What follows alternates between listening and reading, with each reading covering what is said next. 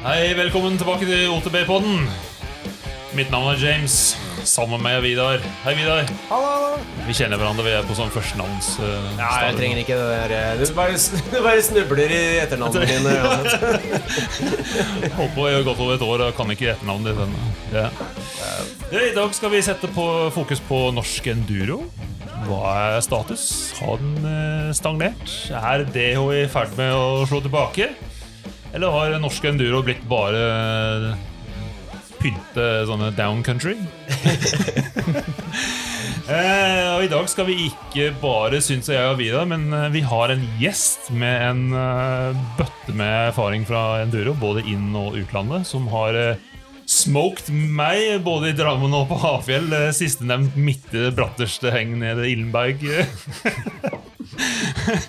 Velkommen, André Aamodt. Jo, takk, takk. Takk for en hyggelig, hyggelig gjest her. Ja, endelig fikk vi deg i podden.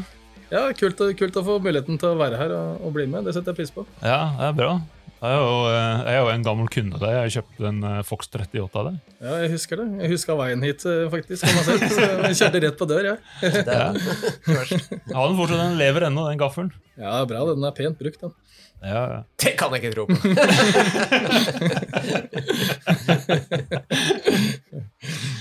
Ja, men eh, for de som, altså Vi kjenner ikke deg så godt som eh, bakgrunn, eh, og for de som ikke kjenner det helt tatt, fortell litt om din sykkelhistorie. da, altså Hvordan hvordan, Jeg vil ikke si hvordan begynte å sykle, men hvordan starta det hele for deg? Nei, ja, min, eh, min sykkelkarriere den starta vel egentlig da jeg var, var ung. Jeg gikk på terrengsykling da jeg var eh, liten gutt, og, og trivdes godt med det. Eh, Og så kom ungdomsårene, og så blir du tatt av andre ting, da. Er, er det det Makken som om førerkort og kvinnelige greier? ja. Og så kom jeg ut i, i starten av 20-årene og, og savna og det å, å sykle. Eh, Så jeg dro på XXL og kjøpte meg en sånn eh, Scott eh, hardtail-sykkel. eh, Og, begynte å surre litt rundt med den, og, ble greit hekta igjen. Og så var det en, en varm vårdag hvor jeg tilfeldigvis var i Oslo. Og på den tid så mm, fantes Rå Sport, hvis dere husker den butikken. Ja. Ok. Eh, Veldig kul sånn uh, topptur eh, skisykkelsjappe, egentlig. Eh, da var det ski i første etasje, og så i kjelleren så var det sykkel. Eh, går ned, eh, ned kjelleren der, og så på veggen der så er det en eh, det er en gul Santa Cruz Tallboy LTC med Kashima-demping. Oh. Altså, altså, den var råkul. Eh, Den bare tok meg der og da, og den eh, Ja, jeg kjøpte den bare impuls. Oi. Eh, Der og Det er jo ikke den aller aller billigste sykkelen selv den gangen. Eh, nei, men eh, på den tida så ja, Det var mye penger da, men i forhold til nå så var den jævla billig. Ja, ja, ja. ja. sant. Sikkert en tiendedel av det Eh, dagens Kashima-kledde Santa Cruz-sier. Ja, eh, Så da ble jeg egentlig tatt der og da. Kjøpte den sykkelen, og i den forbindelse så møtte jeg Sigmund Horri, hvis dere har hørt om han. Han som drev sykkelbutikken på Star Motor i mange år. Oh, ja, ja, ja. Eh, Han jobba der, eh, og han, eh, han tok meg med ut på, på stisykling. Og, og min første tur på den sykkelen var faktisk Ja, det er jo inne i Lillomarka her, ved den togstasjonen. Ja, ved Sandemosser. Ja, stemmer det. Og på Barlinåsen, eller? Barlinåsen, ja. Ja, ja, det. ja, Ja, det klassiker. er gammel Ja. favoritt. ja, Eh, Så der, der starta egentlig min sykkelkarriere på nytt. Nice. Og, og fra den tid så har det egentlig bare skutt i været, og avhengigheten har tatt meg mer enn eh, noe annet. Um, Kult. Ja. Så ja. Men du, du driver litt med ishockey ved siden av? Ja, eh, jeg er jo egentlig en, mer en lagspiller enn en, eh, en som eh, vil kapre egne seirer, egentlig. Ja. Eh, Så jeg spiller, spiller på et allboys-hockeylag og gjør det to ganger i uka. Ja. Så det, det er veldig kult, og det gjør at jeg får pika formen min ordentlig inn mot sykkelsesongen. da. Ja, ja. Eh, Du har to sånne monsterintervaller to ganger i uka på tre timer. Det er mye spurting, sikkert. Veldig mye spurting, ja, Mm. samtidig som du på en måte må ha god balanse, du må holde fokus, du må passe på å ikke bli takla, du må treffe mål, ikke sant. Så, Mm. så jeg får trent veldig mye sanser på hockeyen, hockeyen da, som gjør at jeg blir um, veldig mye bedre til å sykle, føler jeg selv, i hvert fall. Ja. Eh, Få teste reaksjoner litt og sånn, og, Mhm. så du liksom Og ikke minst blikket, da. Ja. Ikke sant? Du kan jo ikke se ned på isen, du må jo se rett fram, ikke sant? for det, ellers så blir du kjørt over. Ja. Så Ja, Så ja. Ikke Fjellheim sånn her bandymann, altså? vi skulle ikke snakke om ishockey. Ja, jo, nei, var det. Jeg, noe, jeg skulle til å spørre om det var noe sånn eh, ondt blod mellom variantene. Ja, Tallak også er eh, glad i bandy. Ja. Eh, I Asker og Bærum driver ikke med bandy. Nei, Nei, det, det driver de med skulle tatt seg ut. ja. Så Nei da. Ja. Men er, blir det da vintertrening for deg, eller holder du på litt hele året med det? Eh, Vi spiller hockey faktisk fra midten av august og til midten av juni.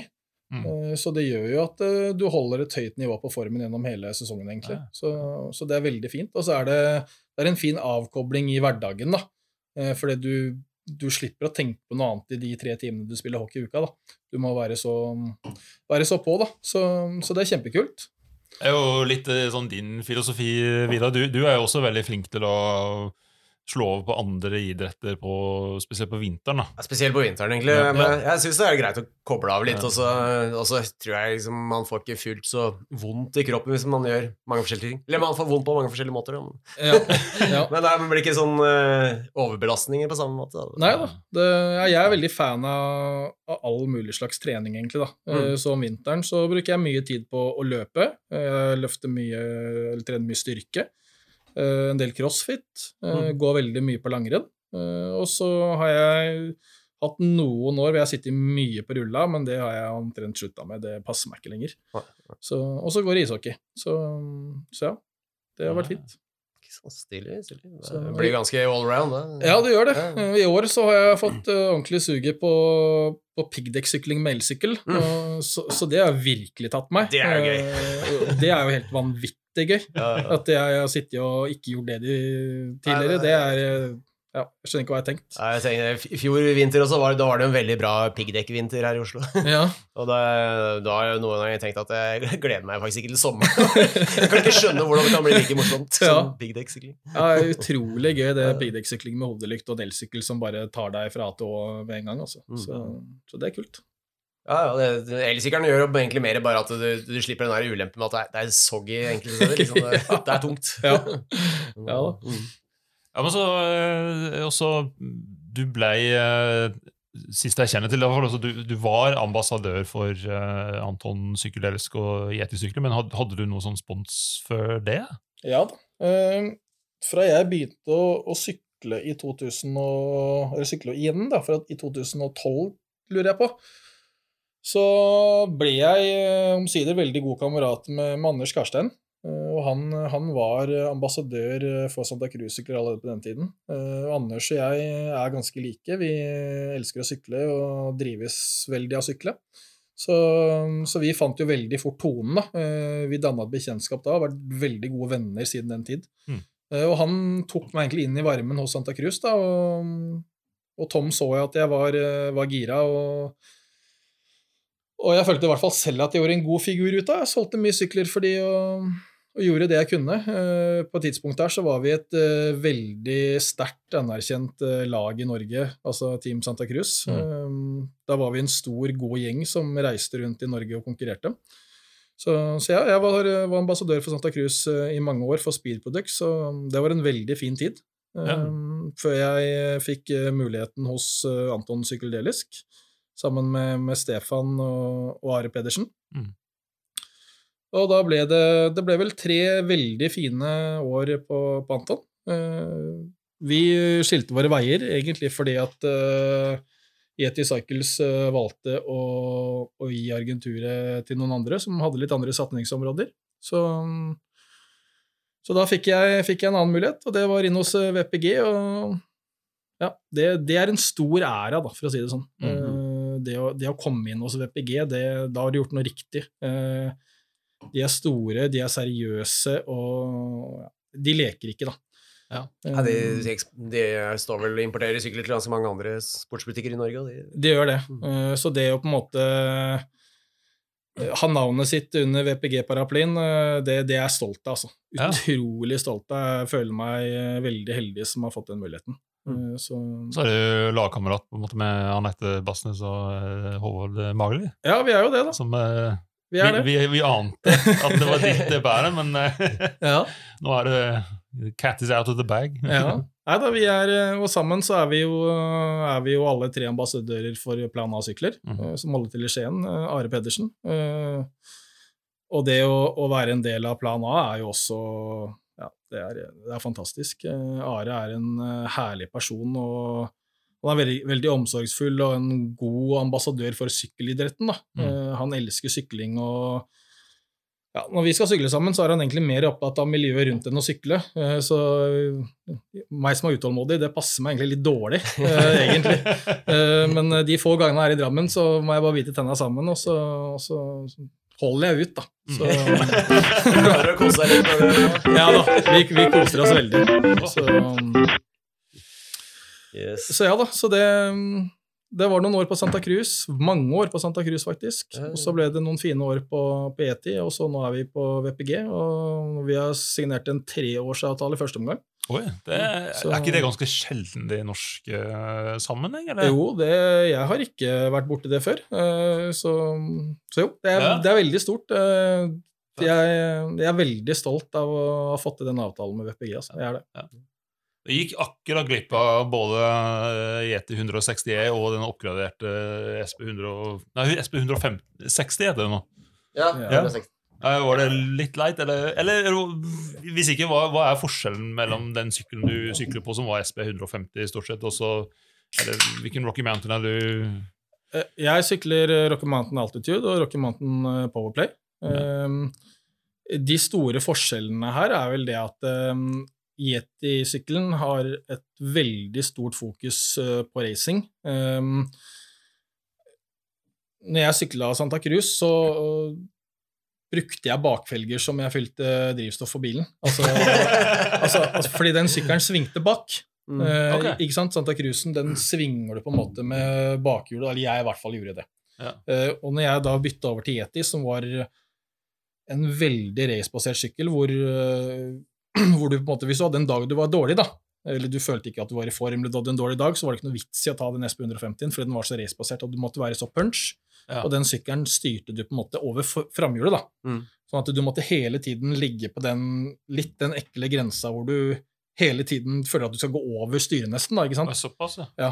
Så på de tre årene jeg sykla Yeti, så hadde jeg ikke en eneste løs eike.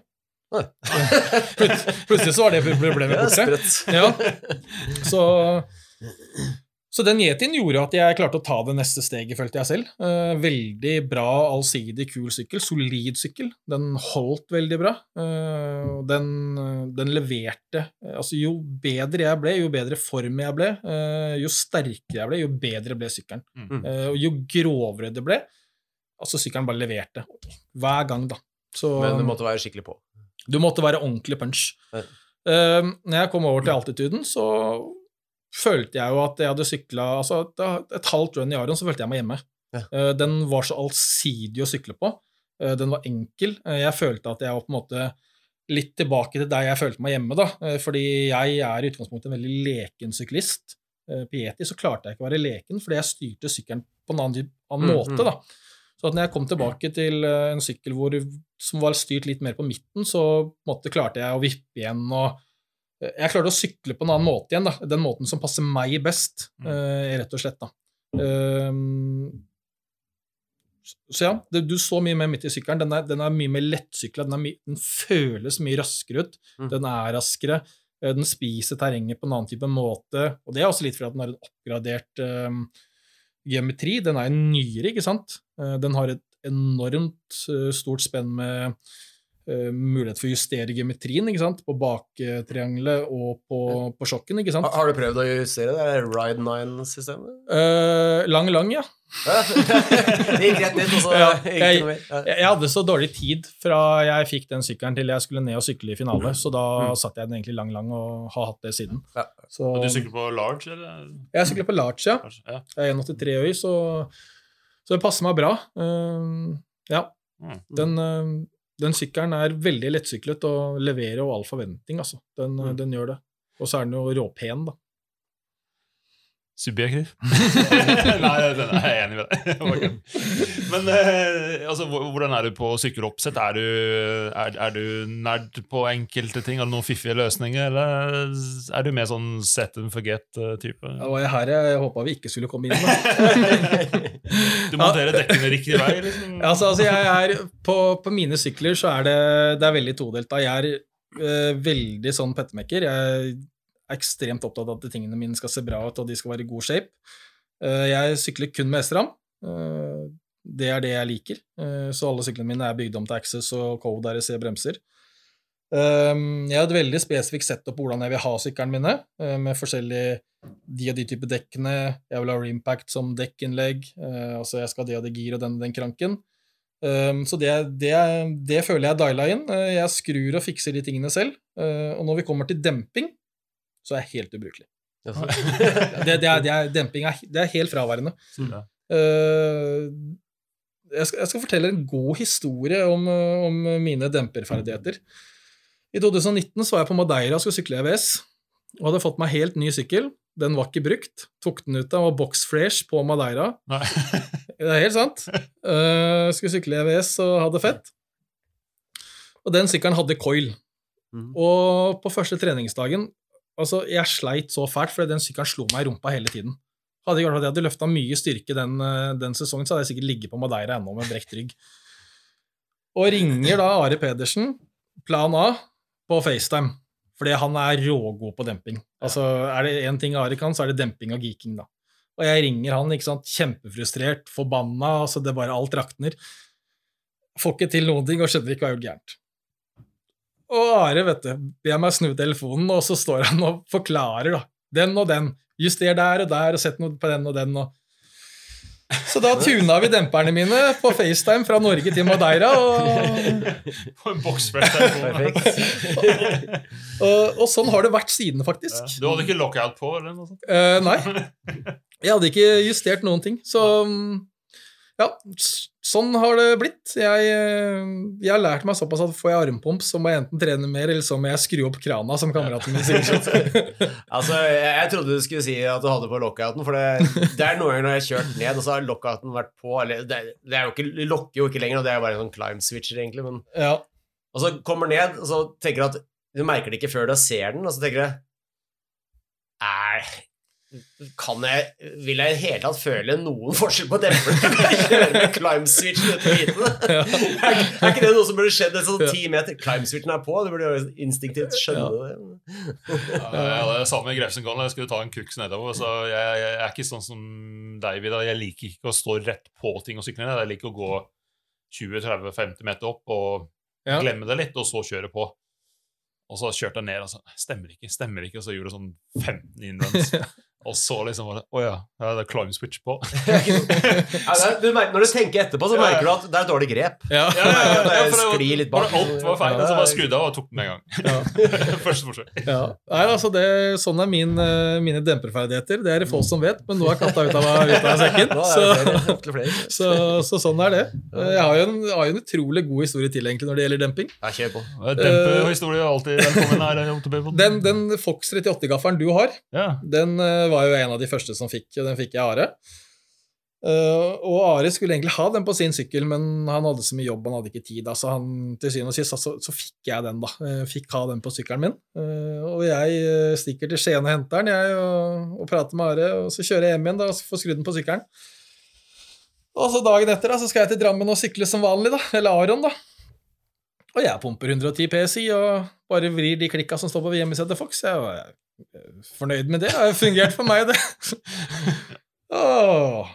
Ja, Are ringer og ringer mens jeg sykler, men jeg gidder jo ikke å ta den, for jeg er jo sykler. Og så setter jeg meg i bilen og ringer han der på vei hjem, og så sier han ja, er du fornøyd, er du fornøyd, åssen funka den, åssen funka den? Så sa jeg nei, jeg pumpa 110 PSI, og så satte jeg den på de, de klikka som sto på Fox, jeg, og så ja, det funka vel greit, sa jeg. Og så, så ble det helt stille, og så sier han mener du det? Ja, ja, bare gjør som jeg vanligere. Jeg må legge på. Ha det.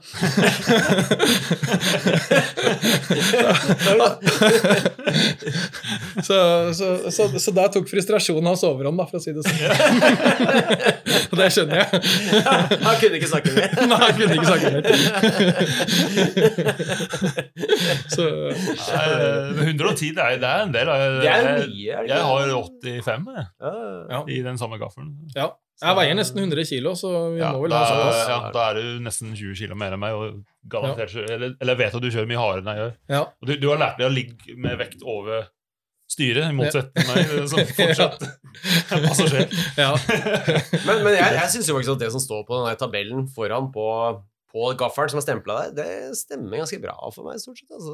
Ja, jeg, har prøvd litt forskjellig òg, men eh, Jeg er veldig enig. Jeg kommer sikkert til å bli mobba, mobba for det her. Men, uh, men jeg har alltid brukt Yeti sin kalkulator. De har en sånn egen kalkulator. Eh, Så når jeg sykla Yeti, så brukte jeg alltid den, og den var alltid veldig bra for meg. altså.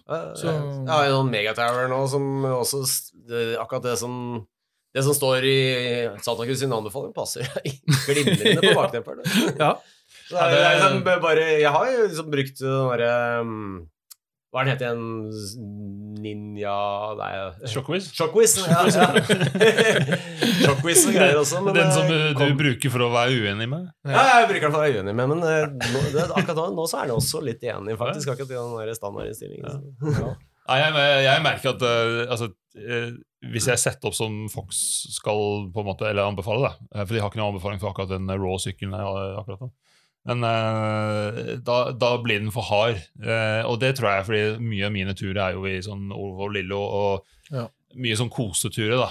Sånn at uh, Hvis jeg sykler hardt på den, hvis jeg er i Drammen eller Hafjell, så er den, da er den helt rå på Ja. de der factory settingsa. Mm. Men på litt sånn, hvis jeg skal loffe rundt Lillemark og sånn, så da, da, må jeg, da må jeg ned. Ja, altså kompresjonen på gaffelen, så tar jeg også kompresjonen en del lavere, faktisk. Men jeg har samme lufttrykk, som sier, og samme rebound på high speed og low speed rebound. Ja. Nå er vi utenfor det jeg kan. Ja, kanskje det er sånn eh, business opportunity, sånn FaceTime-tuning. ja. ja, Ja. Nei, skal vi ta det egentlig gjennom en podkast-tuning? Ja. Så alle bare stiller seg foran sykkelen og skrur til den tabellen Ja. gjør seg akkurat som det står. Ja. Det blir sånn Dr. Drop-in. altså det, det ringer og får sånn videoteam. ja. Er du, men da, da er ikke du så nerd på dekk, eller dekkvalg? Jo, det er jeg veldig nøye på. Og du er jo, altså? Ja. Jeg har uh, Assegai Minion DR2. Det er go to combo uansett. Ja, Asgard foran og Minion bak. Ja. Ja. Hvis jeg er i Italia, så switcher jeg noen gang opp til DOF eh, foran. Men, eh, men det er alltid som regel Assegai min enn DR2 med, med maksgrip og DH-casing. Ja. Hvorfor DOF i Italia? Eh, Fordi det er såpass tørt eh, der nede, og så er det jo tørrværsdekk, da. Eh, Ja. Så, så det har jeg syntes har vært ganske bra der nede tidligere. Så, så ja. Jeg tenkte kanskje i Assegai, altså egentlig litt mer for sånn tørt og lø men løst, liksom. da, sånn at eh, Mm. Afrikaforhold. ja. Jeg, ser, jeg ser på Assegai som litt mer sånn allround-dekk, jeg. Ja, ja, at, det er jo det også. eh, jeg syns det er veldig bra når det regner, og når det er veldig tørt. Mm. Eh, men jeg vet at jeg skal på en måte ha, ha en del sykkeldager nede i støvet, så pleier jeg pleier noen ganger å prøve litt. da. Egentlig Mm. for å teste noe annerledes også. Ja. Så, ja. Mm. Men eh, det er, eh, der går det det samme, ja. Det Ja, gjør det. det er samme lufttrykk som jeg har hatt i ti år, så det, vi prøver ikke noe nytt her. Hvor mye lufttrykk kjører du på? Eh, jeg er alltid to bar.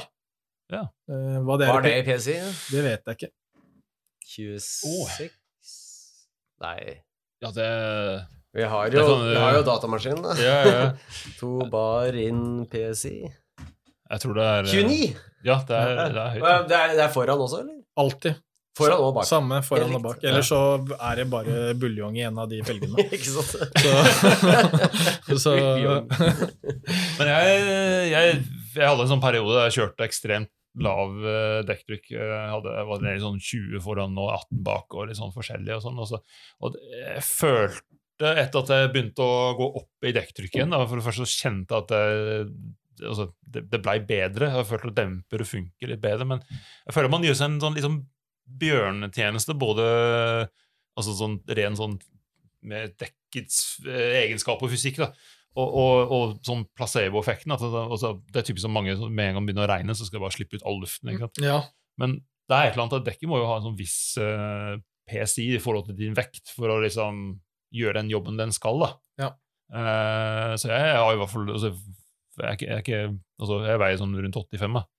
Så skal, skal, skal litt trykk. Altså, Kjøres- 18-20 er feil for meg. Ja, altså, så jeg syns jo også eh, Det kan være godt med veldig Hvis vi skal sykle sakte, så er det godt med litt dektrykk, men eh, hvis jeg skal hoppe noe sted, og da må liksom pushe inn så har jeg hatt, Hvis jeg får lavt dektrykk, så blir jeg sånn sinnssykt ustabil i lufta. Og jeg tror det er Jeg har tenkt meg til det. At det er sånn Dekket begynner jo liksom Når du trykker i en sånn der transisjon på vei opp hoppkanten, og du Jeg pleier å liksom bunnyhoppe litt, liksom. Så flater jo dekket ut, og da vet jo ikke felgen om man skal gå til høyre eller venstre. Så den går jo litt random. Sant? Den holder seg ikke i midten av dekket hvis det dekket er liksom ligger flatt og trøkka utover. Nei. Og da blir det derre I hvert fall den ugne, ustabile følelsen av ikke annet. Og, så hvis jeg har fjell og sånn, så må jeg liksom ha litt ekstra uansett. eh. Ja. Jeg har eh, Min go to-kumbo er eh, Jeg har custombygde hjul på, fra Anton Sykelelisk. Der er det Hugo som bygger hjul til meg. Han bygger på DT Swiss EX 511-hjul eh, med noe eiker tjukke som uh, skrutrekkere. Og så- og så er det Chris Kingnav, og så er det Rimpact Pro fra, fra Are Pedersen, og så er det um, ja, DH-casing. Ja. Uh, det bare funker med to bar. Det, det, det holder uendelig. Ja, ja, Um, ja. ja, så det Er det sånn uh, maksgrip, uh, softeste Jeg har egentlig tatt det jeg har fått de siste årene, siden det har vært så vanskelig å få tak i dekk. Ja. Så, så ja. Og, og, og det kjører du om det er tørt eller våt eller ja, Samme alltid. Lufttrykk er likt uansett om det snør eller regner eller er tørt. Ja. Yes. Det, ja. Eller så spiser jeg opp felgene. Så, Mm. Ja, ja. så, så det funker for meg. Men hva er eh, Altså, over til eh, konkurranse. Mm. Eh, hva, hva, er, hva er ditt forhold til, til konkurranse? Mitt forhold til konkurranse er, det er ganske bredt. Um, på den ene siden så er det jo utrolig kult å møte alle sykkelfolka i Norge. Eh, og, og prate og sykle sammen med de. eh, og det å på en måte Ja, du danner jo så mye nye bekjentskaper. eh, du møter så mye nye mennesker. Og så er det jo samtidig kult å konkurrere mot, mot klokka, da. Det er jo det. ja. Men er det For du, du har ikke du har, Jeg ser du, så du, du har syklet en del enduro, men du sykler ikke så mange enduro i løpet av et år som norsk enduro, da? Nei, jeg hadde mm, Jeg har sykla noen opp igjennom, eh, men i 2019 så hadde vi jo et ordentlig røsk, og egentlig 18, hvor vi sykla omtrent alt som var, tror jeg. Da sykla vi utrolig mye, både inn- og utland. Eh, og da, etter den sesongen, så, så blei jeg litt kjørt. Eh, det blei utrolig mye ritt. Så da trengte jeg faktisk et par sykkelsesonger på å bare kose meg og, og ha det fett, egentlig, altså. Mm. Uh, før jeg uh, før, før vi, ja, På den tiden her i fjor da, så ble Anders og Johannes enige om at vi skulle sykle Trophy of Nations sammen i, i september som var. Uh, Mm, så, Det da tenkte, høres gøy ut. ja, så, så da tenkte jeg at eh, ja, Jeg tenkte ikke så mye på det, egentlig, eh, før vi kom til august. Jeg hadde sommerferie, og så var jeg stoka på den elsykkelen. Og så så jeg at det var eh, ritt eh, på Ringerike. Mm. Uh, og da og L-klasse, da. Så da, da valgte jeg å stille opp der, eh, bare egentlig bare for å få, litt, eh, få, få et ritt under beltet før, eh, før finalen, for da var det to år siden sist jeg hadde reisa. Mm. Og, og det var jo veldig kult å komme tilbake og eh, så Men ja. Det, Ga, ga litt mersmak uh, igjen? da? absolutt. Ja, Eh, absolutt. Uh, det å reise med e-bike, det er noe jeg vil anbefale alle å gjøre, egentlig. Eh, Ja, vi har jo e-bikes, men vi har ikke prøvd å reise med den. Nei, eh, det er klart du får jo et annet perspektiv på racedagen. da, ikke sant? Når du tråkker oppover, så er du som regel kokt. eh, Og Mm. når du sykler nedover, så er det kokt. Men, eh, men på en e-bike, da, på vei opp, så sitter du på en måte bare Du kan sitte og prate i rør, ikke sant. Du kan du har ikke noe du skal rekke deg. Du trenger ikke jobbe livet av deg for å komme deg til start, fordi du har elsykkelen. Du bare setter den i turbo, så er du på toppen. Mm. Eh, men når du skal ned, eh, så er du på en måte Du er fresh i huet, da. Mm. Du er ikke sliten, du er ikke kokt i musklene dine fordi du har fått restituert på den tiden det tar å komme til toppen din. Mm. Så da når du står på start eh, og du kan egentlig bare sette sykkelen i turbo, og så er det bånn gass nedover, eh, da pusher du på en helt annen måte. Eh, når jeg sykler på vanlig sykkel, så, så holder jeg alltid litt tilbake, for jeg vet at det kommer flere etapper. Ja. Eh, ikke sant? Ja. Og på dette Ringerike Enduro så visste jeg at jeg hadde en fair sjanse til å vinne, selv om det var eh, veldig mange gode elsyklister med der. Mm. Eh, men da hadde jeg bestemt for at jeg skulle vinne, eh, og jeg var utrolig nervøs. Jeg holdt på å kaste opp hver start. Det var, det var helt forferdelig. Jeg kjente ikke igjen meg selv. Så, så, så, så det var Ja. ja, du vant jo, gjorde du ikke? Jo, det, det var ganske På første etappe der så, så sto Iver Holemann og filma meg. Jeg vet ikke om dere har sett det klippet, men, men det, det gikk fort. Det gikk ordentlig fort. Og, så, og da fikk jeg, fikk jeg melding av Stine da, at du trenger sikkert ikke sykle så fort. Du kan ta det litt rolig. Jeg så en mann som var på vei utforstupet. Ja, så, men, men det rittet, da hadde jeg med meg ekstra kjede og litt sånne ting faktisk som, som kan ryke, da, fordi jeg var så forberedt og klar på at dette skulle jeg Ja, vinne ja. uansett hva, så jeg hadde safa meg, da. Ah, Ja. ja, Så- det er jo faktisk en eh, det, The struggle is real på elsykler, da. Ja, det er det. Det er det. Ja, jeg Så- husker jeg så resultatlister fra dem, for de fleste eh, elsykkelklassene som har vært hittil, så er det eh, Det er ekstremt få, Mm. og så er det sånn Stiller du opp, så er du nesten garantert eh, pallplass. Liksom. Ja. Og så så jeg sånn plutselig var jo deg og Kristoffer Rakneberg var med, og en del andre sånne raske. Så var jeg sånn Oi, hva Ja. skjer her, liksom? Ja, og den dagen så var det veldig mange raske med. Ja. Du har han Lasse jeg tror han heter Lasse Eriksen fra Drammen. Mm. En kar oppi åra, men veldig rask. Mm.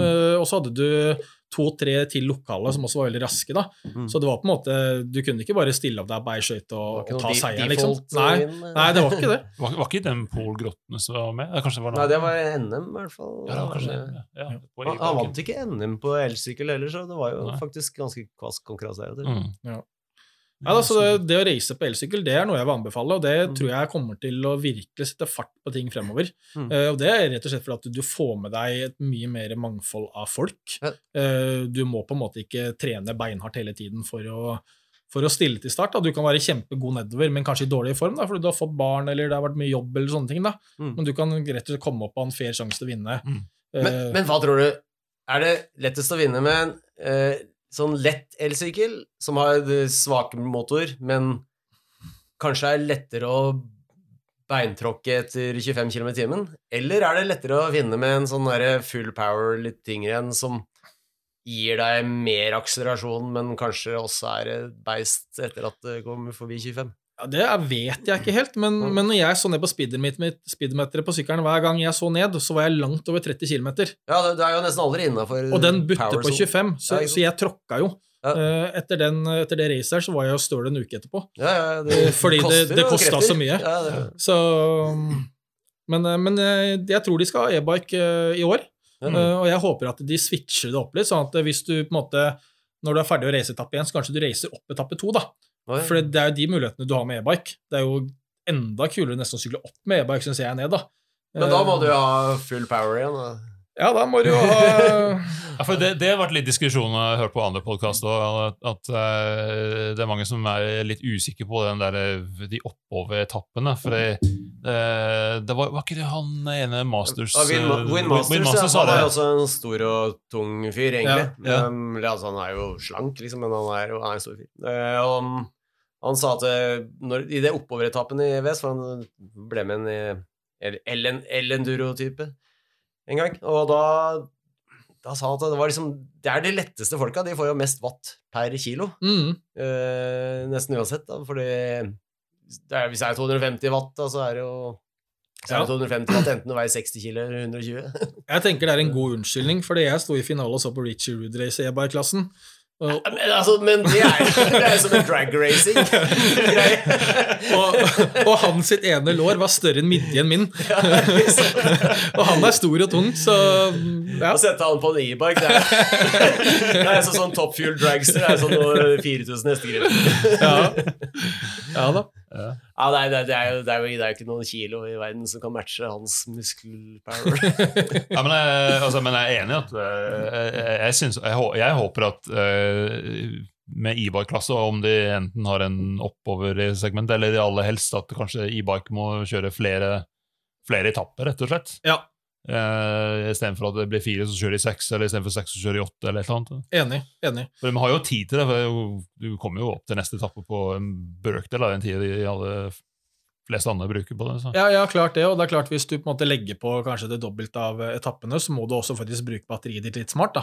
Eh, Du kan Mm. ikke sykle på turbo hele dagen, da må du kanskje ned på eko. Ja. Og da koster du på en måte litt allikevel, men du får allikevel hjelp, da. Eh, Så det vil jeg absolutt anbefale. E-bike racing. Det Ja. var kjempe, kjempekult, altså. Jo sånn lett elsykkel, el den varer ikke et helt dritt. hvis jeg kjører turbo. Da. Nei, men varer, den kan vare uendelig hvis jeg kjører i sånn eco-mode, men da er det jo bare Da er det jo nesten ikke noe hjelp igjen. Ja. Jeg har vært litt stor i kjeften og sagt at jeg ønsker å sykle ritt, eh, både stille i e-bike og i eh, analogklassen. ja, det hørte jeg faktisk på sist podcast. Men I akkurat den formen jeg er i nå, så det kommer ikke til å skje. Men jeg, jeg, jeg har en sånn liten, lite ønske om å, å gjøre det en lang gang. Ja. Og litt hjelp. Det må være, en, må være et arrangement med en lang dag, i hvert fall. Men hva, hva slags uh, ritt er det du liker best? Altså, jeg, jeg, vet- jeg regner med det er enduro, men også, tenk sånn, altså, formatet. da. Altså, sånn, er, det, er det flerdagersritt? Er det blindt, eller er det gjennomkjøring først? Eller Uh, Jeg er veldig fan av disse todagersrittene. Uh, At det er eh, trening på lørdag, Mm. og så er det ritt på søndag. Og så blir på en måte etappene frigitt kanskje på fredag kveld. da. Og jeg liker det formatet best, fordi jeg ønsker å ivareta min egen sikkerhet. Mm. Uh, Jeg skal på jobb uh, på mandag, um, og så er jeg på en måte jeg, jeg vil pushe. Jeg stiller ikke opp et ritt fordi jeg skal være en i midten, jeg ønsker å vinne. Og da ønsker jeg å ha best mulig muligheter for å kunne vinne, da. Eh, Og da, for min del, så er jeg litt avhengig av å på en måte sykle gjennom og, og se hvordan, hvordan stien eh, ser ut. Eh, Så jeg vet måte hvor jeg virkelig kan eh, legge inn trøkket, hvor jeg kanskje må passe meg litt. da. Mm. Eh, Når du sykler blind racing, så skal man jo også vinne. Mm. Eh, Og du gir jo kanskje enda mer innsats da fordi eh, du vet ikke hva som kommer, så du ligger på en måte hele tiden litt, du er litt på etterskudd hele tiden. da. Mm. Eh, og det blir fort ofte mye skader, fordi eh, du sykler langt over evne, eh, og så vet du ikke hva som kommer. Eh, Mm. Og den risikoen har jeg ikke noe lyst til å ta, rett og slett. Mm. Eh, jeg ønsker ikke å skade meg eh, på sånne tulleting, da. Eh, så jeg håper jo virkelig at de som eh, skal arrangere fremover, går tilbake til å ha treningsdag og, og rittdag, da. Ja, for det, det har vært egentlig mer og mer blindt, eh, sikkert pga. logistikk og mannskap og kostnader, vil jeg tro. Ja, jeg, jeg tror også det, da. Um, Jeg syns det er veldig skummelt, da. Men Men all ære til de, som, uh, til de som tar seg tiden og bryr og gidder å ha sykkelritt. Jeg tar av meg hatten for de. Uh, Ja. Men jeg vet at det er veldig mange av, av den eliten da, som ikke tør å stille til start, fordi de vet at de pusher over evne. Ja. Uh, Når det er ritt, da. ikke sant? De ønsker å ha en gjennomsykling og se på linjer og Eller at det går slår motsatt uh, vei. at um, altså, Jeg tenker at uh, hvis du har blindt og du vil arrangere, så tenker du at ok, den der kan ikke vi legge inn det, det rock garden eller, eller drop eller altså, Ja. ikke sant? Det, det, Kan bli de må litt liksom- kjedeligere Ja, ja, nettopp. Ja. Er, det, og, og, er, er du med Liker du mer hvis det er røft og teknisk og bratt, eller Ja, jeg tenker jo at vi må prøve å bruke det lille vi har i Norge, i hvert fall, til å få, få utvikla oss. Så det er klart, eh, hvis du har en treningsdag og du har en, en rittdag, så og du har på en måte en klar plan på det året før, da, eh, så har jo også foreldrene da, for Man må jo snakke om rekruttering her av de unge, og man vil jo gjerne få inn de unge i idretten ikke sant? eh, og få de til å begynne å sykle mer. og det er klart Hvis foreldrene har en klar plan på hva sønnen skal eh, neste sesong, så er det mye lettere å sette av helger og ressurser til å, til å kunne være med på det. da. Mm. Og det er klart eh, eh, Jeg hadde nok ikke eller turt å sendt eh, 13-14-åringen min aleine ned en sti blind på dritt, og så skulle han sykle seks etapper og, og vinne.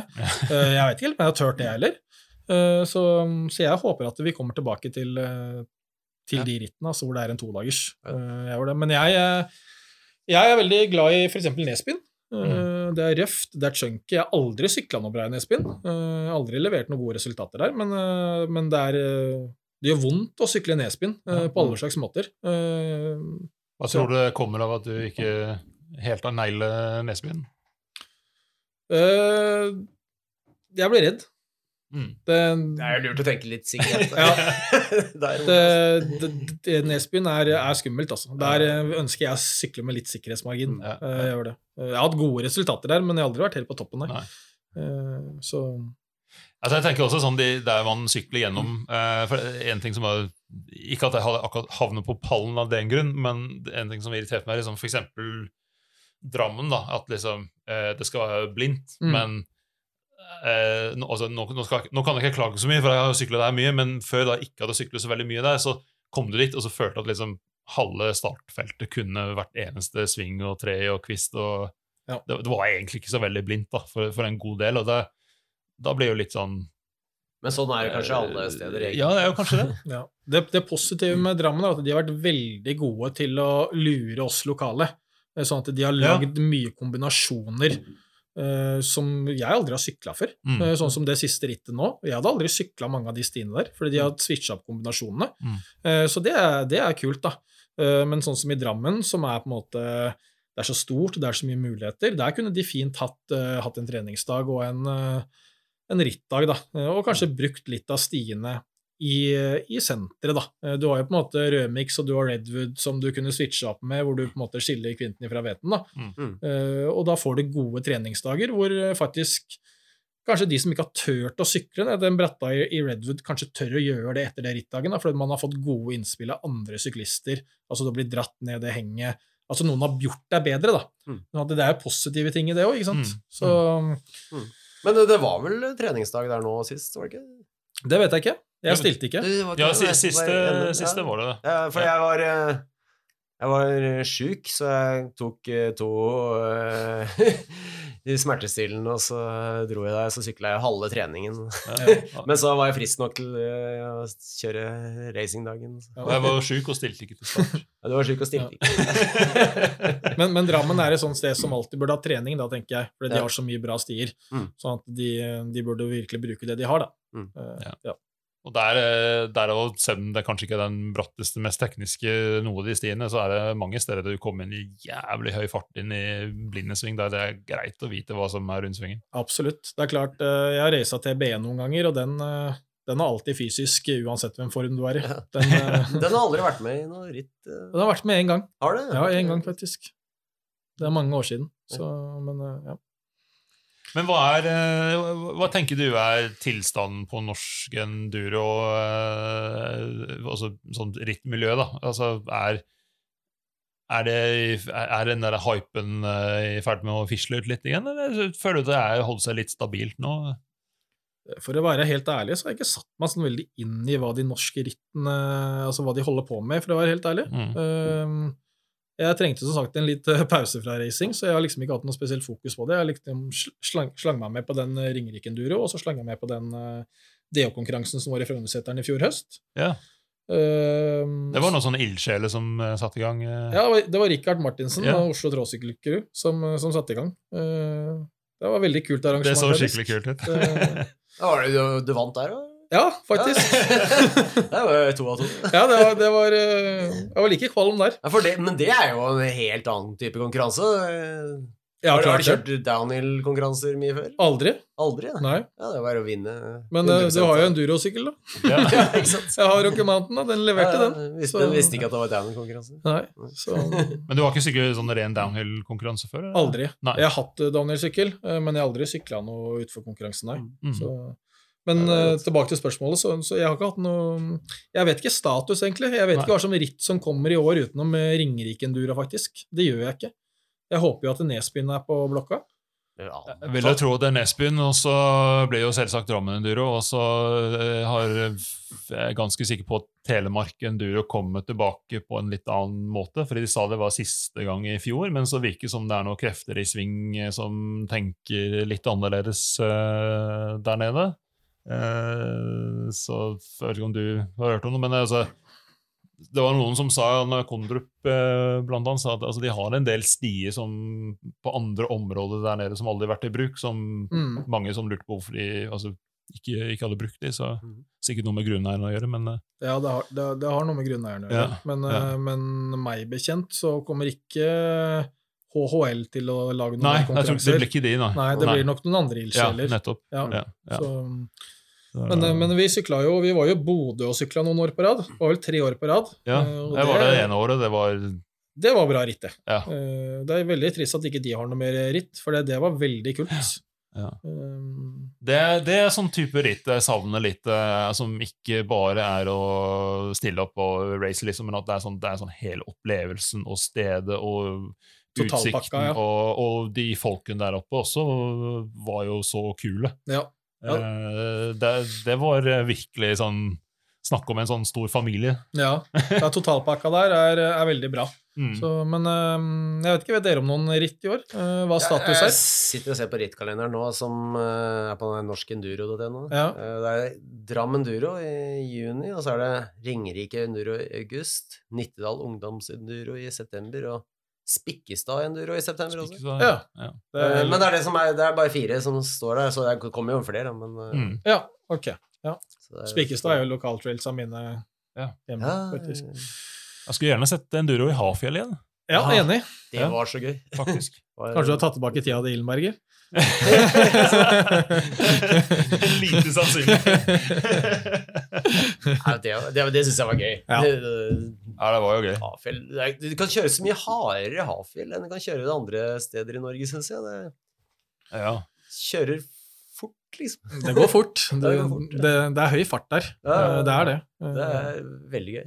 Jeg tenker jo at sånn som, sånn som Nesbyen, de kunne jo fint hatt både to og tre enduroritt i løpet av en sesong, Ja, ja, ja. eh, med forskjellige stier. Det var et, et år de hadde to, for de fylte inn for en annen, så tok de Nesfjella Enduro. Ja, stemmer. Eh, Så Nesbyen kunne egentlig hatt sin egen endurokonkurranse, egentlig. Litt, ja. Ja. ja. Men en serie. Ja, ja. i, i Nesbyen, Mm, faktisk. ja, ja. De kunne det, altså. Det. Ja. Eh, Det hadde vært egentlig kult hvis, eh, hvis Hemsedal kom inn på banen igjen nå, for det er, jeg hørte er veldig mye kult i Hemsedal. Mm. Eh, Det er det, altså. Men eh, flerdagersritt eh, altså, Du har jo sykla blant annet Trans- som er flerdagersritt, men altså, er det noe som kun har blitt det i Norge? Eh, Altså sånn, Kanskje ikke en hel uke, men kanskje tre dager med etappe, f.eks.? Ja, det er vel egentlig fullt mulig, det. Da må vi vel kanskje tilbake til eh, Nesbyen, da, Mm. eh, for eksempel. Eh, Der er det gode muligheter, da. Ellers så vet jeg jo at Bergen er veldig stort, da. Eh, Der er det mye, mye stier. Mm. Men eh, ja, du, du kunne hatt det i Norge, men da er du avhengig av mye transport og logistikk, ja. Ja. Eh, Det er du. Men det er klart, du kunne switcha det bra opp, ja. Du kunne hatt én dag i Drammen, og du kunne hatt én dag i Nesbyen, og så kunne du hatt én dag i Hemsedal, og så kunne du avslutta i Hafjell, eksempel. Ja. Så det hadde vært fullt mulig, det. Ja. Mm, Det hadde det, altså. For jeg ser det er altså, i, i sånn type altså, maratonritt, da. Eh, eh, det, det har jo vokst veldig. Det er- Du ser som Birken har jo gått ned, og så går jo disse ekstremritt opp, på en Mm. måte. Eh, så jeg har en sånn teori at det kunne gitt eh, Enduro Norge en liten sånn innsprøytning. Kanskje det er noen sånn type flerdagersritt. Sånn som du sier, Hvis det er flere destinasjoner som gikk sammen Mm. eh, altså Bare oppover Nesbyen så er det jo flere steder der som mm. er jo Jeg vil tippe de kunne kjørt noe uh, Hallingdal-serierunde. mm. Ål også er jo Ja, fantastisk. Ål er jo mye fett. Altså. Ja. Ja. Det har det. Kunne nok. Mm. Ja. Og en del av de tingene tar jo ganske lang tid. Altså, det får... Ja. Jeg var jo så tidlig ute på Høgfest, altså jeg var jo med når de arrangerte enduro-race, Mhm. eh, fram til de gikk over til noe helt annet. Var ikke det én lang enduro-etappe, bare? Jo, det var en monsteretappe. Den, den var så lang, husker jeg. Da knakk jeg tilfeldigvis hjulet mitt midt i, husker jeg. Så det, Det pleier å gå litt utover tiden. ja. Kanskje det er konseptet? Enetappers uh, enduro? Ja, ja, ja, ja, sånn 30 minutter stage? Ja. Men det var jo noe sånt det var. Ja. ja. Den var lang. Men Ja, det, Hvem var det som vant de der lange konkurransene? De De, de er lange Huckfest Enduro eh, Det var vel arrangert to ganger, i hvert fall. Jeg tror det var Jostein Hole som vant det ene året, i hvert fall. Ja, han har vel formen til. Ja, jeg tror Jostein vant det ene året. Eh, Jeg husker ikke andre året. Men eh, jeg mener å huske at det var Jostein Hole som dro av med seieren det ene året. Ja, det blir det gjelder gjelder alle kondis. Ja. Men hva, altså, det er mange som eh, altså, jeg, jeg snakker ofte med en del folk som jeg sykler med, som bare sånn Nei, nei ikke start noe, jeg orker ikke. Og så prøver jeg å forklare at liksom, det, er, det er en veldig kul dag. Det er ikke bare racing, det er sånn veldig sosialt og sånn. Altså, har, har du noe eh, tips eller anbefaling eller eller annet, altså, til folk som kanskje sitter litt på gjerdet? og så tenker nei, altså, Kanskje litt redd for å stille til start? eh, redd for å bli listefyll eller? Ja, altså jeg tenker jo at man kanskje må, må begynne med seg selv da, og tenke at uh, enten så må jeg jo stille opp for å bli noen erfaring rikere og danne nye bekjentskaper, og ta det som en veldig bra dag på sykkelen. Eller så må du på en måte gå all in og, og gå for å vinne, da. Uh, som kanskje er litt sannsynlig hvis du aldri har sykla et ritt før. Det er vanskelig, da. ja, det er, det er veldig vanskelig, men det er klart det er jo til hva du gjør det til selv, da. Mm. Uh, jeg har jo sykla veldig mange ritt, jeg, hvor jeg har knapt tenkt at jeg er på sykkelritt, uh, fordi jeg egentlig vet at uh, det startfeltet som er foran meg, de er veldig mye bedre enn meg. Mm. Og da blir ambisjonene litt annerledes, selv om det er et sykkelritt. da. Ja. Men det, altså du får så mye gode bekjentskaper når du er ute og sykler, og bare drar med deg forskjellige folk og, og snakker med dem. da. Så, så tipset er vel egentlig å, å møte opp med, med lavere skuldre og være åpen for noen nye utfordringer. Ja. Ja, Mm. rett og slett. Og heller, istedenfor å snakke seg alltid ned, så, så heller snakke seg selv litt opp. Eh, Mm. Du har ikke vært sjuk i hele år, som alle sier. Nei, Det- sant? Det var jo aldri det. Nei. Så, så det er heller det å eie seg selv litt, og heller si at uh, dette er en ny opplevelse, og så kommer du bak, så får du rope 'skal jeg flytte meg', men kommer du ikke, så kommer du ikke, på en måte. da. Eh, Folk har aldri vært så syke som når de står på startstreken. Nei, aldri. Så, så ja, legge bort de dumme unnskyldningene, og så Ja, det er ikke sant. Det er det. Hvis man klarer å ha den riktige attituden, så får man oppleve det. Og så må man, hvis man er ambisiøs, og det er jo mange der, det er sikkert derfor de ikke stiller i ritt, så, men ja. så må man være med i noen ritt før man helt tatt får det til. Da. Men jeg tenker jo på en måte at eh, Enduro-Norge må kanskje finne ut uh, hva slags klientell de ønsker å ha med på disse rittene. da. Mm. Uh, om de ønsker å rekruttere og utvikle den unge garde, eller om de vil satse på de, de, den eldre garde, da, for å si det sånn.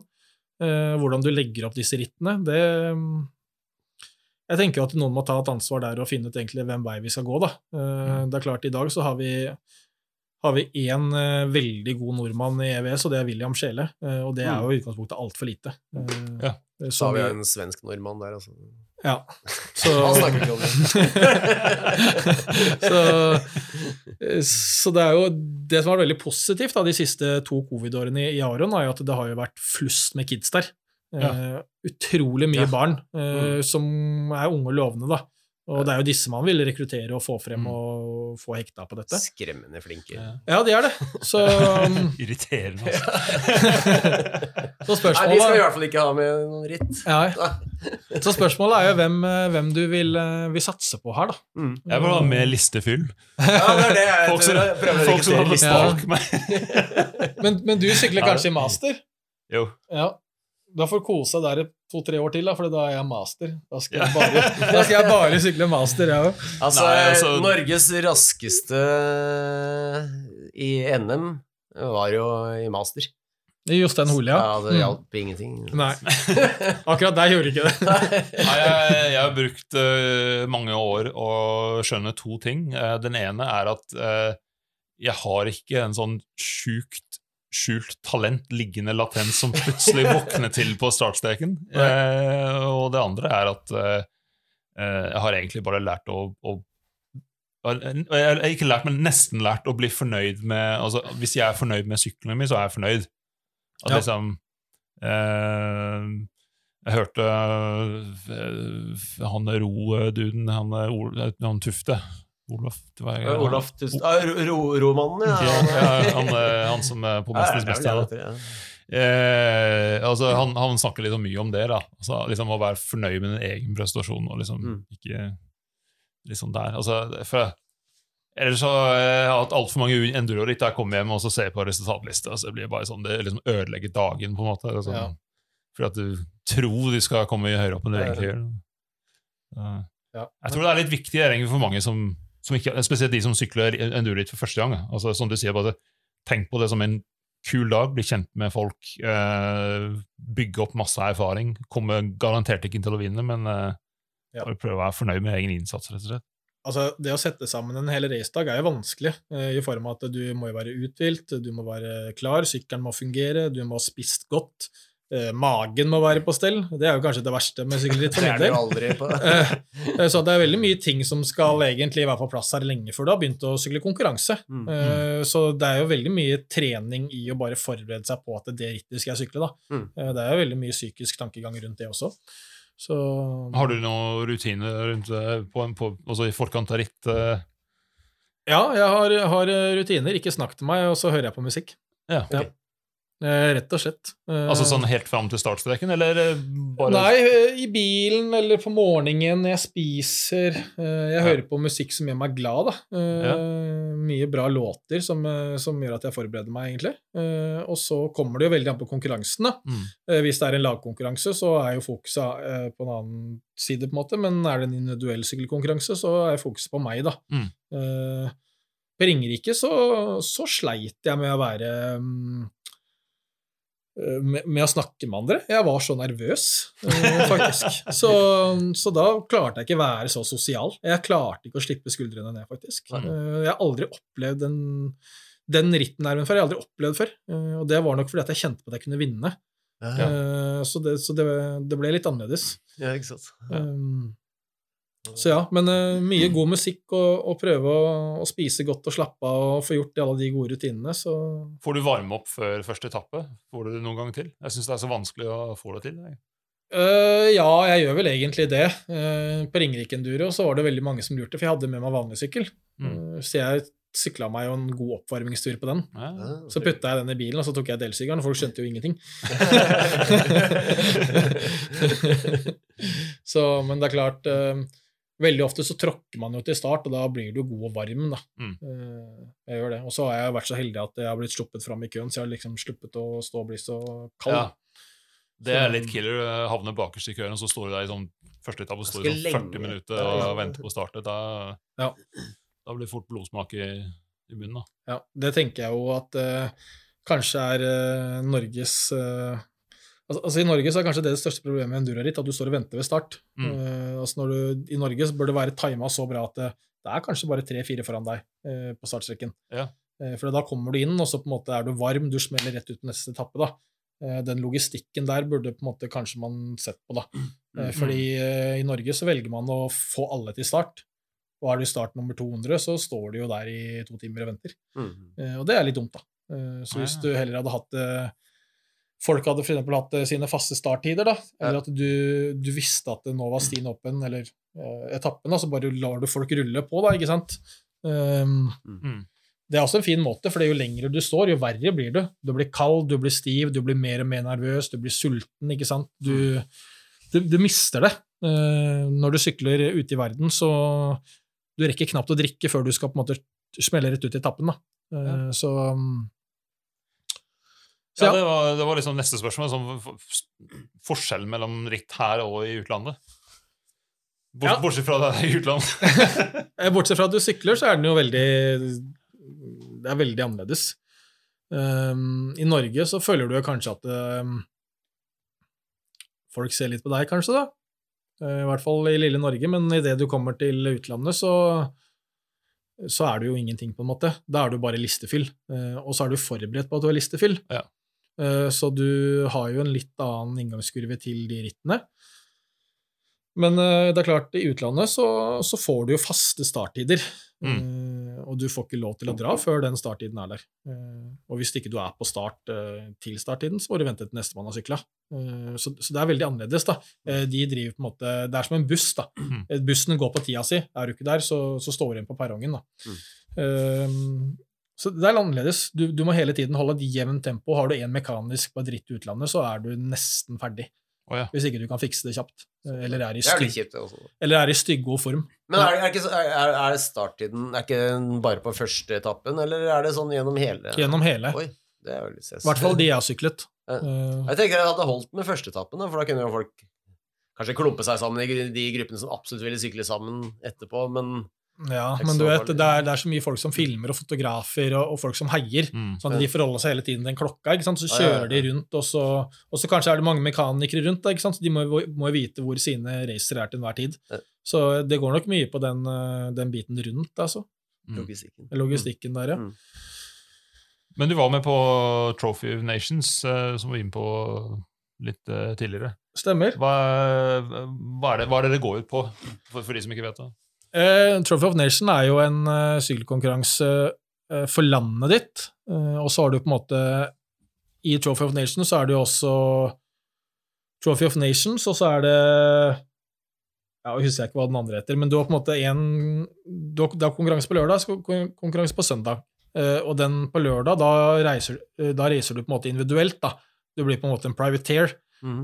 Men på søndagen så reiser du for landet ditt, da.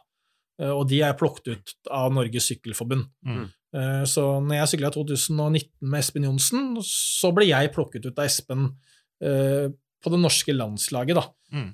Nå når vi sykla i 2022, så valgte vi å stille som privateer fordi vi ville ha en sinnssykt kul dag på sykkelen. Mm. Tre gode kamerater, da. Um, Det høres jo bare dritkult ut. ja, det, er, sykle tog i ritt. Ja, det, det, er, det er den beste sykkelopplevelsen jeg noen gang har hatt. Ja, ja, det det med Transmadeira det er absolutt å anbefale. Det er på en måte når, når du sykler i et tog, da, og du er på en måte du er, Selv om du er best, så er ikke du noe bedre enn det dårligste leddet på laget. Nei, ikke. Um, og det er klart, eh, når du sykler uh, Trophy of Nations, så må du gå i deg selv, da, og så må du være åpen og ærlig, og så må du si at sorry, gutter, men dette her er jeg dårligst på. Her må jeg legge meg bak. Du som er best på det, må trekke. Mm. Så når vi sykla Trophy of Nation nå, så visste vi på en måte våre ferdigheter. eh, Hvor Anders var desidert best, hvor Johannes var best, og, og hvor jeg var best. da. Um, så vi hadde strategier hvor vi switcha opp underveis i racet, f.eks. Mm. Eh, Så på etappe én så valgte vi at um, Anders uh, styrte tempo, for han er veldig god til å sette et tempo uh, som er litt over evne for Johannes og meg, og som han klarer å styre, Mm. som gjør at hele laget kommer inn i mål. Mm. På etappe én så sykla vi samla inn i mål eh, på en etappe som var Ja, den var lang. Mm. Sinnssykt lang.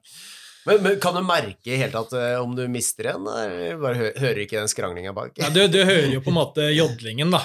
For det er klart, når du ligger på en måte eh, Det er fem meter fra første ledd til siste ledd, så da, det er intenst, da. Og i EVS så er det veldig mye tighte svinger, Mm. så hver gang du treffer den svingen, så ser du kanskje kameraten din i utgangen på neste, da. Mm.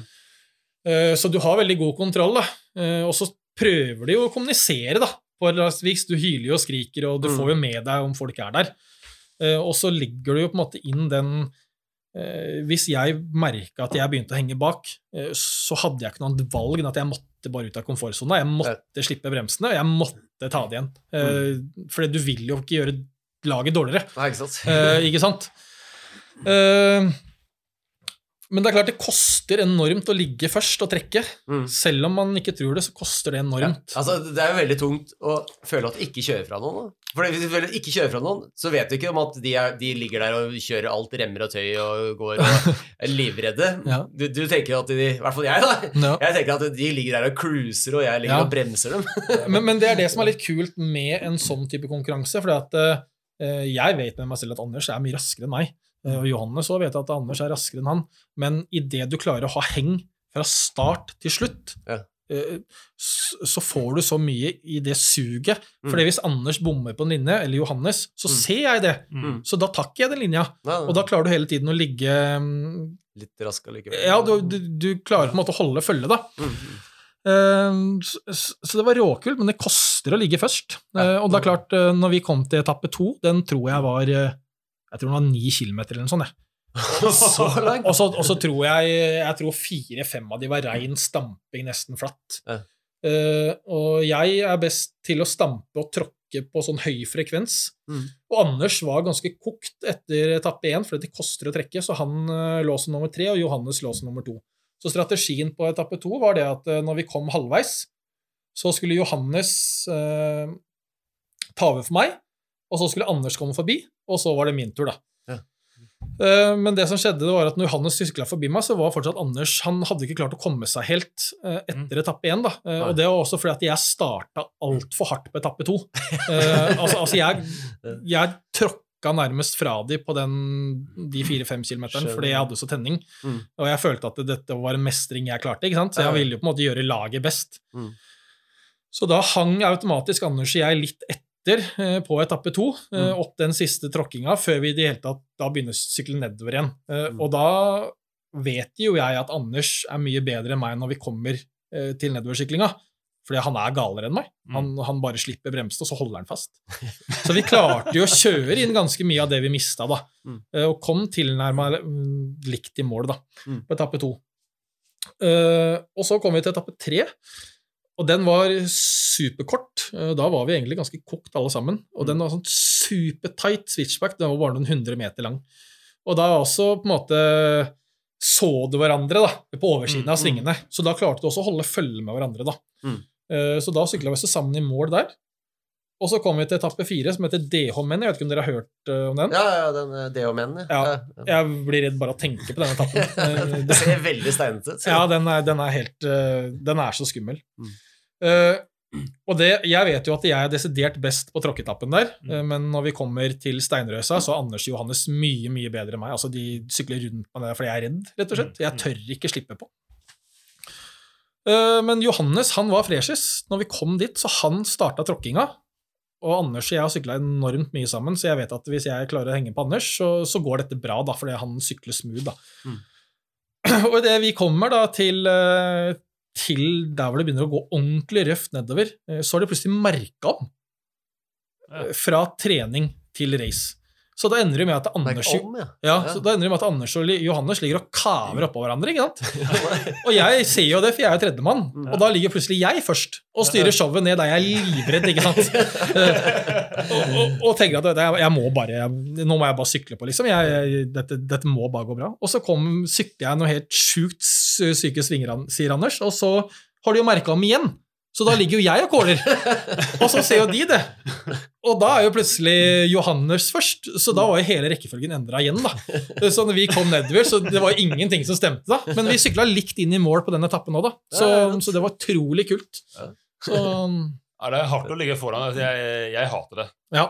Eh, og jeg, jeg kjenner til akkurat det du sier, at liksom ligge bak noen, og så jeg merker Hvis jeg ligger bak noen som er litt flinkere enn meg, så, så, så kan det ofte henge på, fordi at jeg ser, ser småfeil. Du, du gjør det. Ja, og da du, tenker jeg sånn Han er ikke så god, han gjorde det sånn, men det er, sånn, det er jo lett å si det når du ligger bak noen.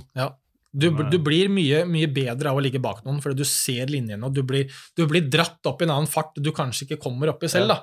Eh, Så, så det, er, det positive med sånn lagkonkurranse. da. Og det er klart, Du får jo en hel uke sammen på sykkelsetet hvor du trener og sykler, og det er liksom det beste tida i ditt liv. da, Du sammen med dine to gode kamerater, og i tillegg så skal vi stå på startstreken sammen. Men det er mange treningsdager, liksom? Her var det én, men det er klart, vi dro inn en uke før. Så vi hadde jo mange sykkeldager hvor vi skjøtla og koste oss og var på stranda og drakk litt øl. og ikke sant, Det var jo Så, så ja, det er jo masse andre stier som du kan bare bruke som ikke, ikke er sperret av, liksom? Jeg tror det er 170 sti kanskje i finale, i hvert fall. Så, Så, Mm.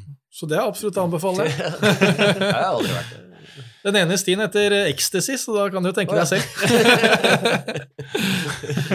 og den andre heter, en av de andre som er superkule, heter Fast and the Furious, så det, Ja, det er absolutt å anbefale finale Ligura, altså. Ja. Fått tilbud om å dra dit, det, er faktisk.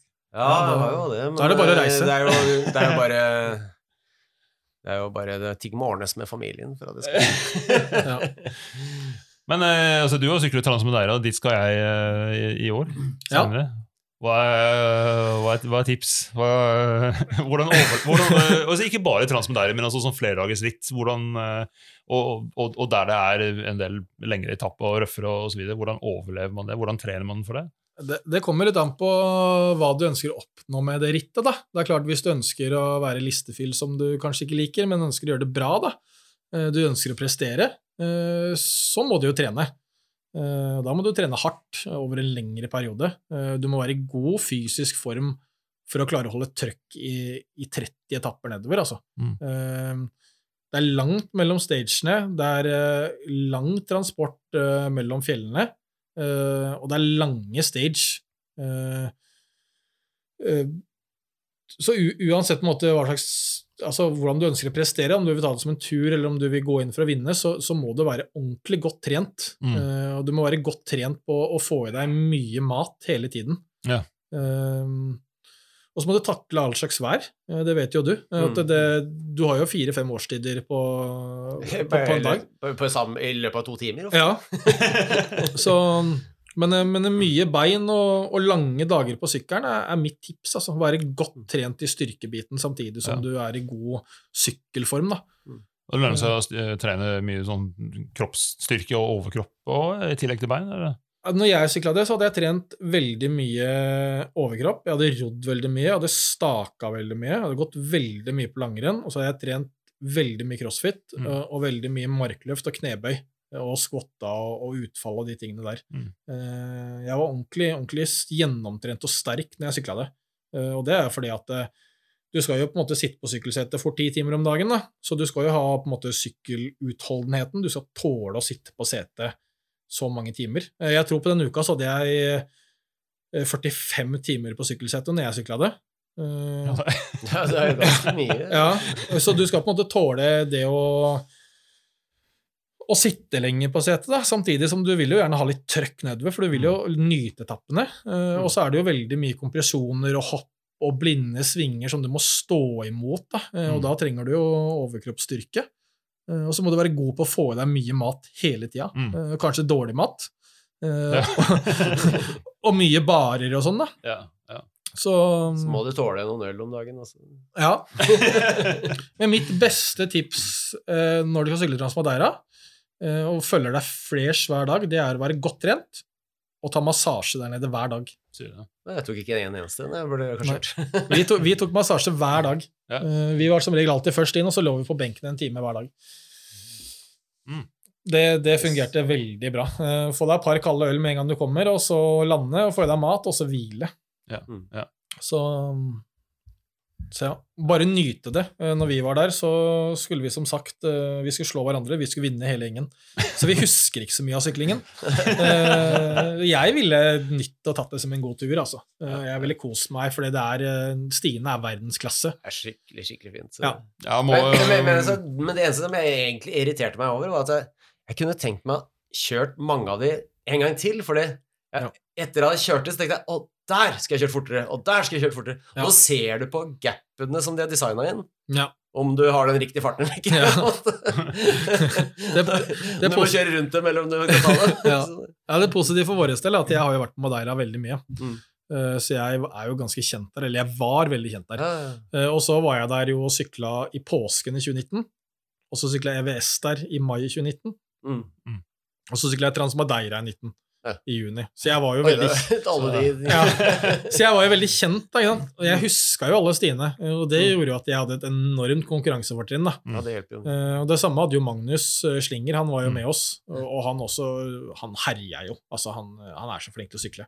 og Han også leverte ekstremt bra der nede. Mm. Så Nei, målet mitt er å altså, eh, nyte det. Og jeg har, jeg, har, jeg har lyst til å komme gjennom uten å føle at uh, uh, kroppen etter to dager skal ramle sammen. Altså, jeg, jeg har syklet jeg har syklet litt før der eh, jeg ikke har vært helt i form. og så liksom kommet i mål og tenkt at det der var egentlig ikke så veldig behagelig.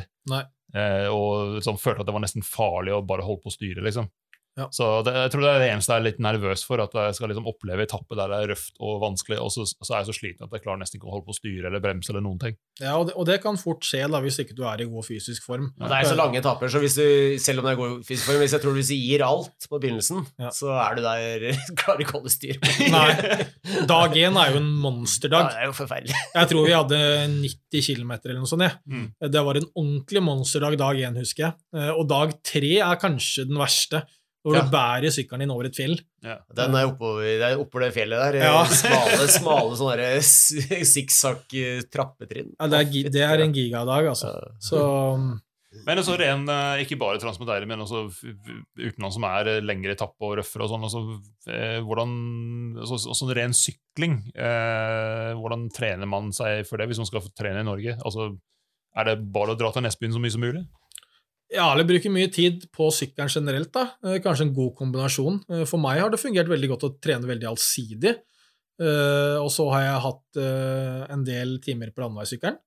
Men jeg har jo hatt i utgangspunktet hovedvekten i Drammen, faktisk. da. Mm. Jeg har sykla utrolig mye heis. Eller tatt mye heis. Og så har jeg sykla innover der og, ned nedkjøringen og prøvd å pushe litt der, da. Så jeg har brydd meg mest mulig om å få veldig mye tid på sykkelen. Mm. Eh, Egentlig være superkomfortabel med sykkelen og føle at jeg er i god fysisk form. da. Eh, og da har jeg jo klart å switche opp med at jeg har jo spilt en del hockey og fått inn bra med intervaller der. og ja, For min del har den allsidige treningen av mange forskjellige typer trening gjort at jeg har følt at jeg mestra det bra. da. Mm. Eh, det har det, altså. Ja. Så ja. Hva slags ambisjoner har du for i år? Jeg vet ikke helt, egentlig. Har ikke satt noe Eh, mål ennå? Nei, jeg kunne godt tenkt meg å vært med på en del e-bike race. Jeg kommer til å være med på en del konkurranser jeg har bestemt meg for. Og så kommer jeg til å være med på de jeg føler det er smartest å sykle elsykkel på, da. I form av at uh, Ringerike Enduro er såpass flatt, Mm. og når det veier 100 kg, så har du ikke samme tråkkefrekvensen på en som veier 60. Eh, Så der passer det meg bedre å ta, ta elsykkel. Mm. Uh, I Drammen derimot så passer det meg veldig bra å ikke ta elsykkel. Eh, Eller Nesbyen, for eksempel. Da. Eh, Så det kommer litt an på rittene. Eh, Kommer til å switche opp litt og sykle litt forskjellig. Eh, Men jeg, jeg syns jo e-bike-racing var utrolig gøy, da. Eh, Jeg syns det, altså. Jeg syns det. Jeg føler som, jeg tror kanskje du og jeg må stille oss på en eh, ritt eh, med e-bike. Det Må, i testes. Jeg tror vi må teste det. om ja. Ikke annet for podden. Ja, men det er klart, da- får du jo det litt eh, Du får jo litt på kart i Norge. Da, ikke sant? Du får ut elsyklinga. Det blir større, det er flere som møter opp. Mm. Eh, Det blir kanskje mer kultur for elsykkel òg, da. Mm. Eh, Og det er klart, det har jo kommet for å bli. Så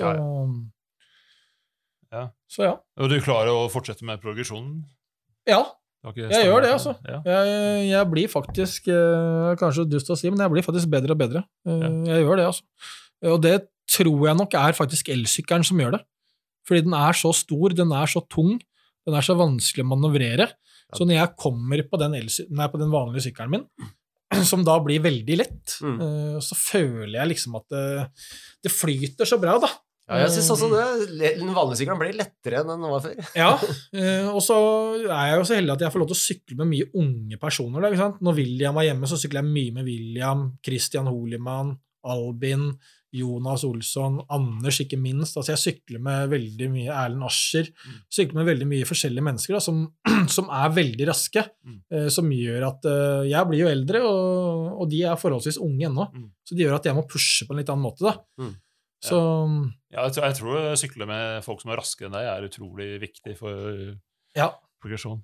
Men altså, William Scheel, altså, jeg har sett han på noen Instagram-poster og sånn eh, gjennom noe eh, også nedover Kruks i Ja, noe Og, ja. og det er sånn, er det, han er så jævlig smooth. Ja, Og det er sånn, Han får det til å se så sjukt lett ut. ja, ja. ja. Han er, han er, han er rågod. Ja.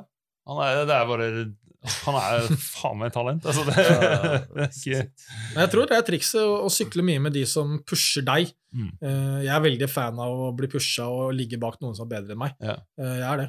Så, så det å på en måte å holde seg litt ung og, og pushe med de, de kidsa, som jeg kaller dem, da, det, det gjør at du går ut av komfortsonen, og du kommer på litt høyere nivå, altså. Ja. Du gjør det. Ja.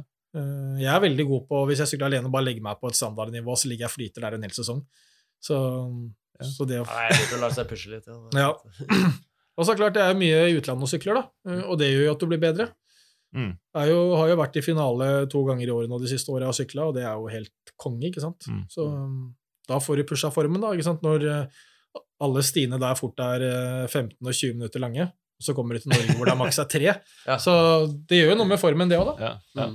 Jeg merker også på e-bike at eh, altså, fordi du får så mye nedover, og at sykkelen er tyngre, så du får mye mer workout på overkroppen. Så ofte så er jeg eh, altså, Jeg er ikke sånn samme sliten som om jeg hadde tråkket på veldig mye med analogsykkel, men Ja. jeg, jeg, jeg blir ofte like sliten på etter en time eller to timers tur med e-bike. Ja, det blir bare litt an Ja, annerledes. litt annen måte. Litt annen. Litt mer sånn kjørt, liksom. Litt mer Ja. sånn, Men ikke sant, elsykkel det går så fort hele tiden, så Ja. blikket ditt endrer seg. ikke sant? Du tilpasser blikket på en helt annen måte. Mm. Så du lærer deg å sykle mye fortere overall. da. Mm. Og det tror jeg også gjør at du sykler mye kjappere på en vanlig sykkel, fordi du er vant til en mye høyere marsjfart hele tiden. Mm.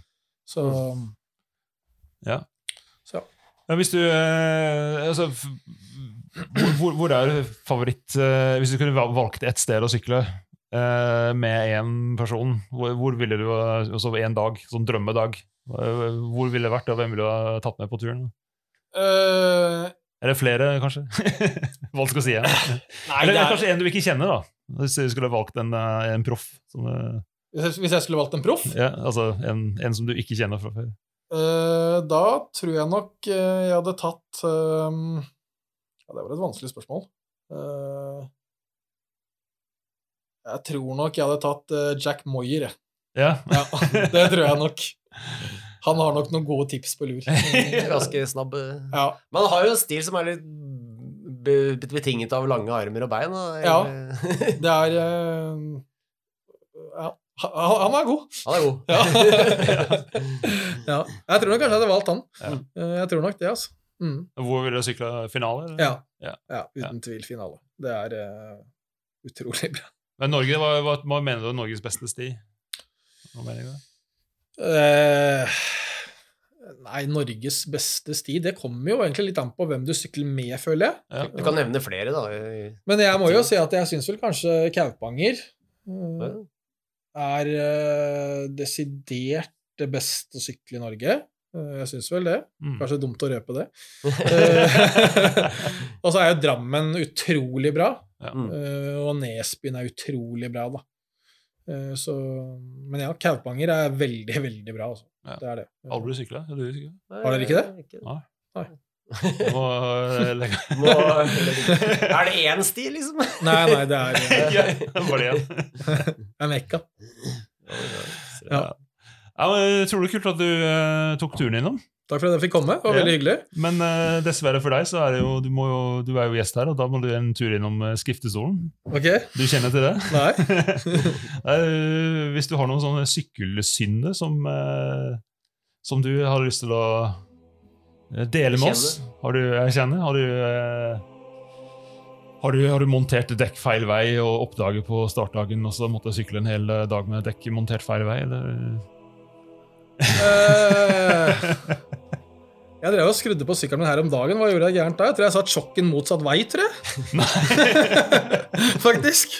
Så jo da, jeg har, jeg har noen, jeg òg. Men du sykler ikke med en sånn? Nei, nei, nei.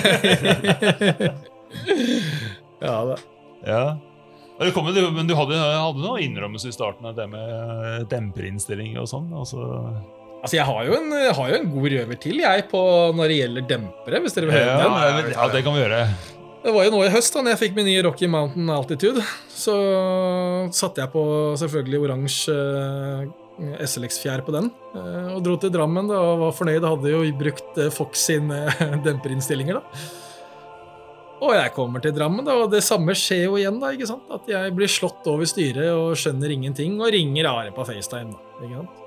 Og så, Han har jo så trent øye, han Ari, ikke sant? og det irriterer meg litt. da. Så når jeg da setter telefonen mot sjokken, så ser jo han med en gang at jeg har jo skrudd den fjæra så hardt sammen at den er i konstant spenn. Ja. Ikke sant? Så Ari sier 'skru den der helt, helt løs', og så løfter du opp sykkelen, så strammer du den litt. Og så tar du en tur, og så ringer du meg. Jeg ringte aldri Are tilbake, for da var sykkelen min perfekt. så, så jeg har en lang vei å gå når det gjelder demping på sykkel. ja. Ja, ja, ja. ja, men det, det er jo verdt en liten straff. den altså, så Skru uh, pre, uh, preload på sjokken så mye at sykkelen blir om til en hardtail. Det- det- Hva kan straffen for noe sånt være? Det må jo være hardtail-relatert. Tror det må være Hardway-relatert. Ja. må, eh, Først ti Ave Maria, selvfølgelig. ja, altså jeg tror det må, det må bli en tur ned Illenberg i Hafjell med uh, hardtail og uh, 18 uh, PC foran og 20 eh, ja, 18, 18 bak og 20 foran. Ja, det, det er deal hvis vi tar det på klokka. Vi tar et internt race der. Oh, ja. Det gjelder å komme ned uten å punktere. Ja Ja. Yes. Ja, men Superkult at du tok turen innom. Takk for meg. Yes. Det var veldig hyggelig. Også, eh, Vi hadde jo egentlig avtale om å sykle opp i Årvoll eh, i fjor, og så ble jeg sjuk, så det må vi eh, Jeg er klar, jeg. Ja. Så uh, Vi tar, tar litt elsykkelsykling opp her, vi. da tar vi litt elsykkel. Ja, ja, ja. Og imens skal jeg legge meg hard styrketrening til uh, Transmedaire. Gjør det. Kanskje vi, kanskje vi ses på Madeira, vet du. Ja, kanskje det. Det kan hende, det. Ja. Tusen takk for at du kom innom. Takk. Så ses vi i skogen.